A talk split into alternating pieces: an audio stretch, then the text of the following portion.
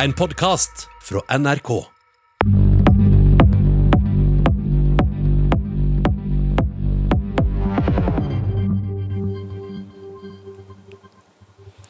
Hei og velkommen til NRK si partileierutspørring, i dag med statsminister Erna Solberg fra Høyre. Velkommen til det. Erna Solberg, er du klar? Ja da, hyggelig å være her. Du, Vi begynner med noen korte fakta om det. Du er altså partileder i Høyre.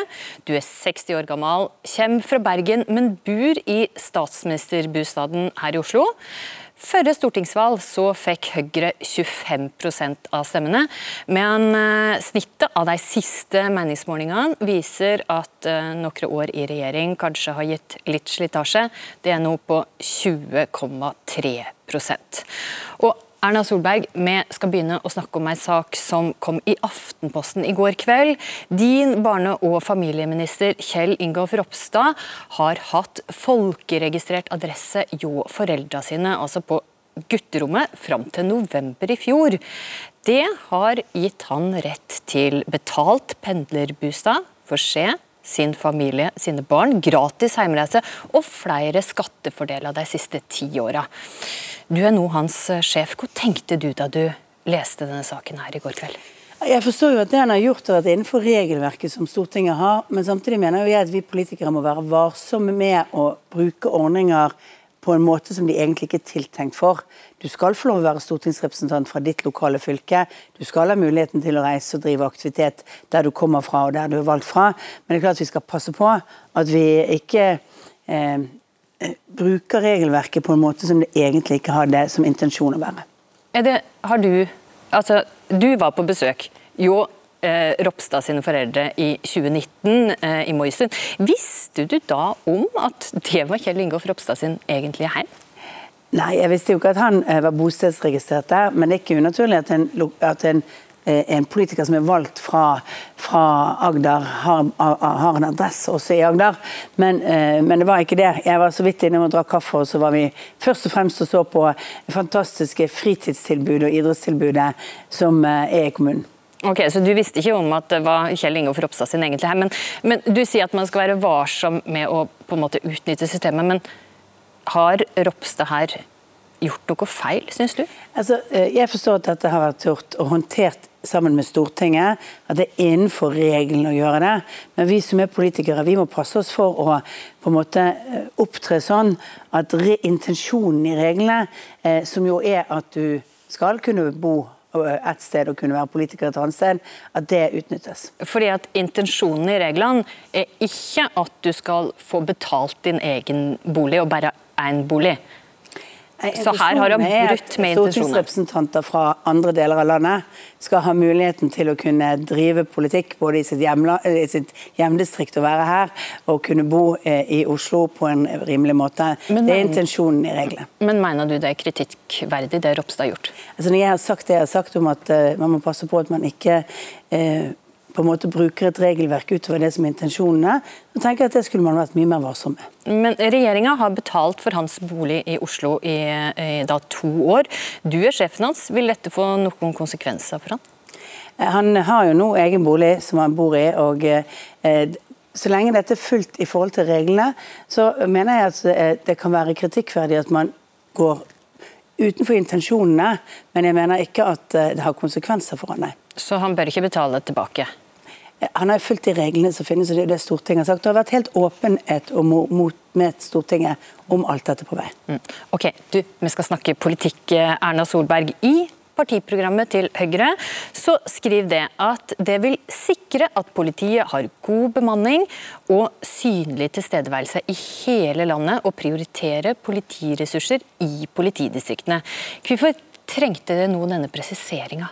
Fordi Det er ambisjonen vår for den neste fireårsperioden. Fordi Nå har vi gjort det vi fikk i oppdrag av eh, både eh, Gjørv-kommisjonen, altså 22. juli-kommisjonen, det politistudien sa, vi måtte bygge et sterkere og bedre politi i Norge, hvor vi hadde sterkere operasjonssentraler, hvor vi hadde mer politi, bedre etterforskning, og vi har gjort veldig mye på alle disse områdene. Det er 3500 flere personer som jobber i politiet nå enn når vi tiltrådte. Men så har vi sett at når vi nå har bygget disse bedre enhetene, når etterforskningsarbeidet blir bedre, når operasjonssentralene fungerer, ja, så må vi også sørge for at vi får i neste runde to av tre årsverk ute i de ytre etaten. For selv om evalueringene viser at eh, politi Eh, altså at Politikontaktene i kommunene fungerer godt, at tilbakemeldingene er gode. At mange eh, ordførere rundt omkring nå sier at de ser mer synlig politi. Så må vi i neste periode sørge for at det blir enda mer synlig politi. Og alle disse endringene her som du snakker om nå, det kommer bl.a. pga. nærpolitireformen, som det innførte da i 2015. Og nå når det da skriver at nå trenger vi mer på eh, ressurser i politidistriktene, ligger det en erkjenning i det at nærpolitireformen ikke ble så nær? Nei, det gjør ikke det. For det, vi har gjort er å bygge en struktur. Og så er nærhet. Hvor er det kriminaliteten foregår i dag? Kriminaliteten foregår f.eks. i veldig stor grad på nettet. Vi har nå sørget for at det er enheter som følger dette mye bedre rundt omkring i distriktene. Vi har enheter som jobber med forebyggende arbeid, og ikke minst har vi de som jobber med etterretning. De som ser hvordan kriminalitetsbildet er. Vi måtte bygge denne solide stammen i politiet, og så kan vi bygge politiet mer utover. Så, så blir jo jeg aldri ferdig. Det nære kommer nå. Det er nå nærpolitiets For meg er overgrep mot barn nært. For meg er det å etterforske det som skjer i stuen din via et videokamera, det er nært. Det er kanskje ingenting som er nærere. Men blir det prioritert da før det å få politi ut i hele landet? Ja, Vi har prioritert overgrep mot barn, og vi kommer til å gjøre det i hele neste periode. Vi har tre løfter i denne valgkampen.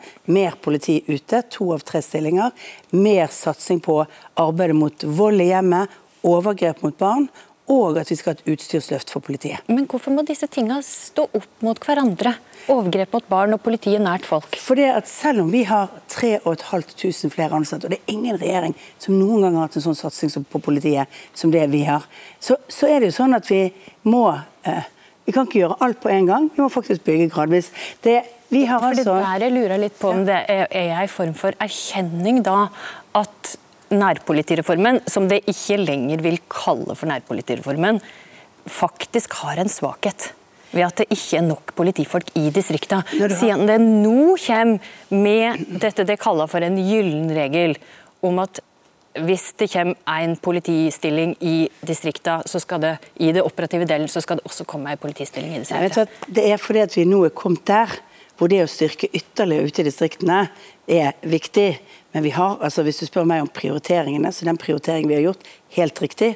Vi ser nå at den, eh, den eh, kriminaliteten som vokser mest i Norge, er faktisk overgrep mot barn. Den, den vokser fordi at vi etterforsker disse sakene. Og hvis man har lest noen av disse historiene som er rundt disse sakene, så vil man se at før så lå de på ulike kontorer, så så man ikke sammenhengen i det. Man så ikke at det var et nett som bandt sammen enkeltsaker om overgrep. Det har man fått bedre grep rundt nå. Derfor er kraftsamling av ressurser. Og derfor så, nå ser jeg Vi er aldri ferdig med utviklingen av politiet, Nei. men derfor så vi, har vi nå bygget en bedre stamme. Riksadvokaten sier vi har bedre rettsvern og rettssikkerhet i Norge. Da er neste steg enda mer politifolk ute både i forebyggende arbeid og på hjul for å være der i bredt. Så nå kommer det stedet, og dette er da en gyllen regel, som du kaller det. Er dette et viktig valgløfte? Kommer du til å kan vi, kan vi, måle det på dette ja. hvis du får makta? Ja, jeg leverte syv uh, viktige innsatsområder for neste fireårsperiode. Og uh, på politiområdet så var dette et av de tre løftene vi har gitt. Det er mer To av tre stillinger skal være ute i politiet, i ytre etat, for å både forebygge og være på hjul. Vi skal satse enda mer på overgrep mot barn og, og, vold i hjemmet. Sørge for at vi etterforsker bedre, og skal gi et utstyrsløft. Og Dette med stillinger på hjul det kaller det for en gyllen regel. Og de har også en annen gyllen regel i eh, regjeringa, og den er i psykiatrien. I 2014 så lova de regjering at psykisk helse skulle få høyere vekst enn somatikken, altså fysisk helse. Hvordan har den gylne regelen fungert? Det har ikke gått eh, sånn at vi har fått nådd alle målene. Eh, dette er jo en regel vi, vi, instruerer egentlig sykehusforetakene om å gjøre. Så det er klart at vi har hatt en stor satsing på kreftomsorgen.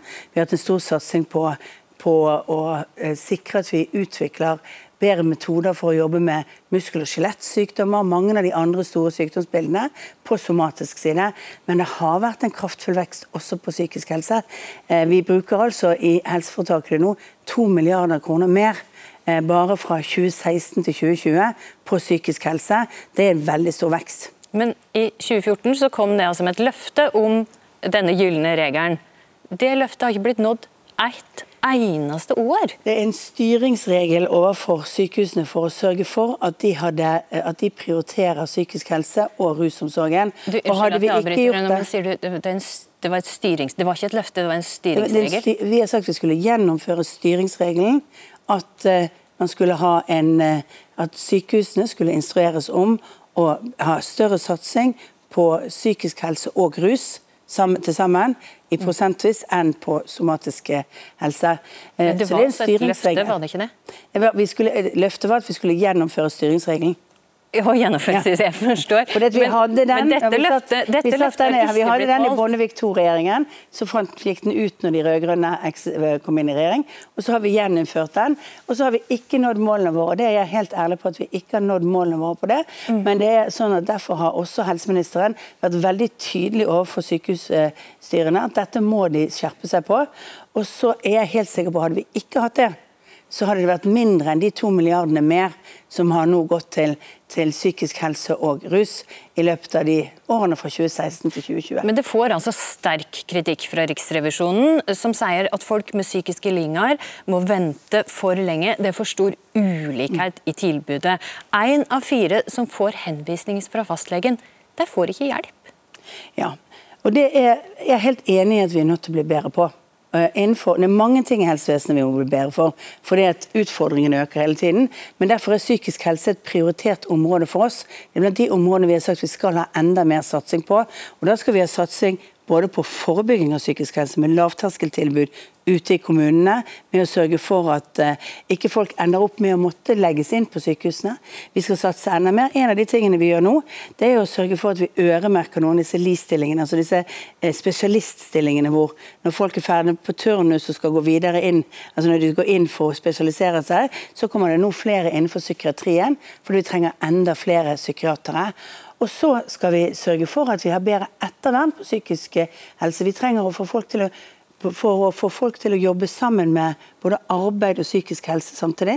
Og En av de tingene vi har røpet fra neste års budsjett, er jo at det kommer eh, tre nye fontenehus i Norge. Vi gir penger til det, mm. som gir et veldig godt ettervern etter behandling. Men du, de som stemte på det, og trodde at du kom til å holde dette løftet, hva har du å si til dem? At vi har gjeninnført den gylne regelen, som var det vi løftet, og at vi har sørget for at det er blitt en større satsing på psykisk helse. Men at vi ikke er i mål. Og Det kommer til en lang tid før vi blir. Men hvis du, stemmer på oss igjen, så kommer ja. vi til å fortsette det arbeidet vi har gjort. Når jeg har jo registrert i denne valgkampen at vi kanskje er de mest ambisiøse på dette området. Når vil det innfri løftet? Eh, vi jobber jo med å få helseforetakene til å innfri dette løftet hver eneste gang. Derfor, derfor, er, det tydelig, derfor er det veldig tydelig beskjed til helseforetakene om at de må ha større vekst i psykisk helse og rusomsorgen enn de har innenfor somatisk helse. Men, Men det er ikke si så dumt at det er en bedre kreft, eh, kreftbehandling i Norge. Heller ikke så dumt at vi ser på de store kroniske sykdommene. Men Kan du si når løftet vil bli innfridd? Nei, dette, altså, det Løftet vårt var at vi skulle gjeninnføre regelen. Det har vi innført. Vi har, og vi har stor satsing på psykisk helse. Men vi er ikke fornøyd. Og, og regelen har ikke funka helt. Det er ganske typisk. Eh, altså, vi er jo et parti som alltid vil videre. Som vet at selv om vi har gjort mye, så skal vi gjøre mer. Det gjelder både politi og psykisk helse. Ok, du, Vi skal skifte litt tempo. Jeg ber deg svare kort på de neste spørsmålene som kommer nå. Vil Høyre ha mer eller mindre skatt? Mindre. For eller imot sprøyterom? Eh, vi er vel for sprøyterom nå. For eller imot å fjerne sexkjøpslova? Eh, vi er for å fjerne sexkjøpsloven. Og, men er du for å fjerne sexkjøpslova? Eh, jeg stemte imot det på landsmøtet, men som partileder må du alltid leve med at du ikke alltid blir Du får ikke gjennomslag for alle sakene. Sånn er partidemokratiet, og det skal vi leve med. Ja, er Høyre for eller imot kontantstøtte? Vi er imot kontantstøtte, vil ha ventestøtte istedenfor. Flere eller færre søndagsåpne butikker? Vi vil ha flere søndagsåpne butikker. For eller mot statsstøtte til Human Rights Service? Eh, det får vi komme tilbake til i hvert enkelt statsbudsjett. Mm, mer eller mindre kristendom i skolen? Eh, Går det an å si at det passer med kristendommen i skolen? Vi Det- mener det er viktig at vi tar vare på den kristne si kulturarven vår. Det er ikke mer eller mindre. Den, eh, den fagfornyelsen som nå er, og fagfordelingen som er, den har eh, Høyre stått bak i regjering. Bør mor få en større del av foreldrepermisjonen enn i dag? Ja, litt større del enn det Høyre mener. Ok. Du, med, eh, takk for korte svar. Med eh, ei av valgkampens eh, store saker er miljø- og oljenæringa sin framtid. Og helt på tampen av valgkampen så kom det ei stor overrasking fra regjeringa. Det går inn for å endre oljeskatten, sjøl om det i årevis eh, har sagt at det er helt uaktuelt å gjøre. Hvorfor har det snudd akkurat nå? Fordi at verden forandrer seg. Eh, Det er viktig å- ha evne til å forandre politikk når verden forandrer seg. Det viktigste som har forandret seg, er at klimarisiko er blitt større. Og Det er bakgrunnen for at vi gjør dette. Og så hadde vi et stort oljeforlik i fjor som innførte en form for eh, kontant, kontantbeskatningsmodell, men med ganske store eh, lettelser i i ordningen. Det var for å sørge for at aktiviteten under pandemien ikke stoppet opp, og at vi var redd for at det skulle veldig stort krekk i oljeøkonomien samtidig. Men vi har jo eh, sett at når vi går ut av den modellen, så må vi se hva skal vi gjøre fremover. Og fremover så må vi ta vare på at det skattesystemet vi har, må være et skattesystem som gjør at en investering du gjør, skal som er lønnsom før skatt, skal være lønnsom etter skatt. Men også sånn at en ulønnsom investering må være ulønnsom også etter skatt. Så gjøre skattesystemet vårt mer nøytralt for det. Og det er viktig for at vi, altså skattebetalerne i Norge, ikke skal ta for stor risiko når vi vet at vi er i en tid hvor etterspørselen etter fossilt brensel kommer til å bli mindre, og hvor oljeaktiviteten vår også kommer til å bli mindre. Mm, jeg forstår. Men det jeg ikke kanskje helt forstår, er at du sier at du, med politikk når verden forandra seg. Men i mai, på landsmøtet til Høyre, så kom det jo et forslag om å endre oljeskatten, eller å evaluere og gjennomgå oljeskatten. Det sa Høyre da nei til. Ja. Har verden endra seg siden mai?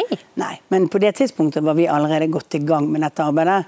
Dette er jo et arbeid som vi har gjort parallelt med budsjettarbeidet vårt. Det begynte i mars måned, og vi har ikke behov for å evaluere. Eh, Og, vi, og veldig mye av debatten har da dreid seg om å gjøre endringer i det gamle skattesystemet. Vi har valgt å lage et nytt skattesystem. Men hva har du å si til de som da stemte ned dette, at du, vi må endre oljeskatten på ditt eget landsmøte? Fordi at den Altså- debatten da dreide seg om litt andre ting. De som nå ser dette skattesystemet, tror jeg, og det ser jeg jo nå, nå har eh, Eh, nå har flere av både fagforeningene og flere av næringen kommet tydeligere ut og sagt at de mener at dette er et bedre, mer robust skattesystem også for fremtiden. Og jeg tror det var det man var opptatt av på Høyres landsmøte, av at man skulle sikre at eh, vi hadde et godt og robust eh, skattesystem, men ikke at vi skulle ha et skattesystem som gjorde at ulønnsomme investeringer ble lønnsomme. Men du handla tidspunktet, det at dette kom liksom helt på tampen av valgkampen, handla det også litt om at det kanskje trengte å komme litt på offensiven? Det handlet om at uken før hadde vi budsjettbehandling. Dette er en del av budsjettarbeidet vårt for neste år. Dette skal bredt omtales i budsjettet, og vi skulle sende det på høring. Da tenkte vi at det var viktig å si det før valget, for vi ville bli kritisert enda mer hvis vi kom med helt endring av politikken etter valget. Det er viktig at vi som regjeringspartier er ærlige overfor velgerne om hva vi faktisk vil foreslå. Frp-leder Sylvi Listhaug sier at hun er redd forslaget er starten på avviklinga av oljenæringa. Hun vil ikke støtte det hvis du går inn for dette. Hvordan svarer du henne? Nå dette, dette gått på høring. Eh, Så kommer uttalelsen tilbake igjen. og Da tror jeg faktisk at også Frp vil se at det blir ganske bred støtte for dette forslaget. Også fra næringen, også fra de de mener at de beskytter med å beholde et system som faktisk Så du betyr tror Frp vil snu? Eh, Jeg tror at, eh, at når man får tid til å gå igjennom og se hvordan dette systemet fungerer, så tror jeg at dette vil være robust for fremtiden. Og jeg tror også at Frp vil se det. Og så tror jeg at eh, vi vil få god støtte for dette, ut ifra den logikken at det er ikke en grunn til at eh, vi over statsbudsjettene faktisk skal ta mer risiko i en tid hvor klimarisikoen er stor. Ok, Der sier vi takk til det partileder i Høyre, Erna Solberg, og takk for at du var med i eh, vår utspørring. Nå eh, skal Erna Solberg bli med oss videre, og hun skal få svare på spørsmål vi har fått inn fra publikum. På onsdag så er det partileder i Arbeiderpartiet, Jonas Gahr Støre, som kommer hit for eh, utspørring. Så følg gjerne med oss videre da også.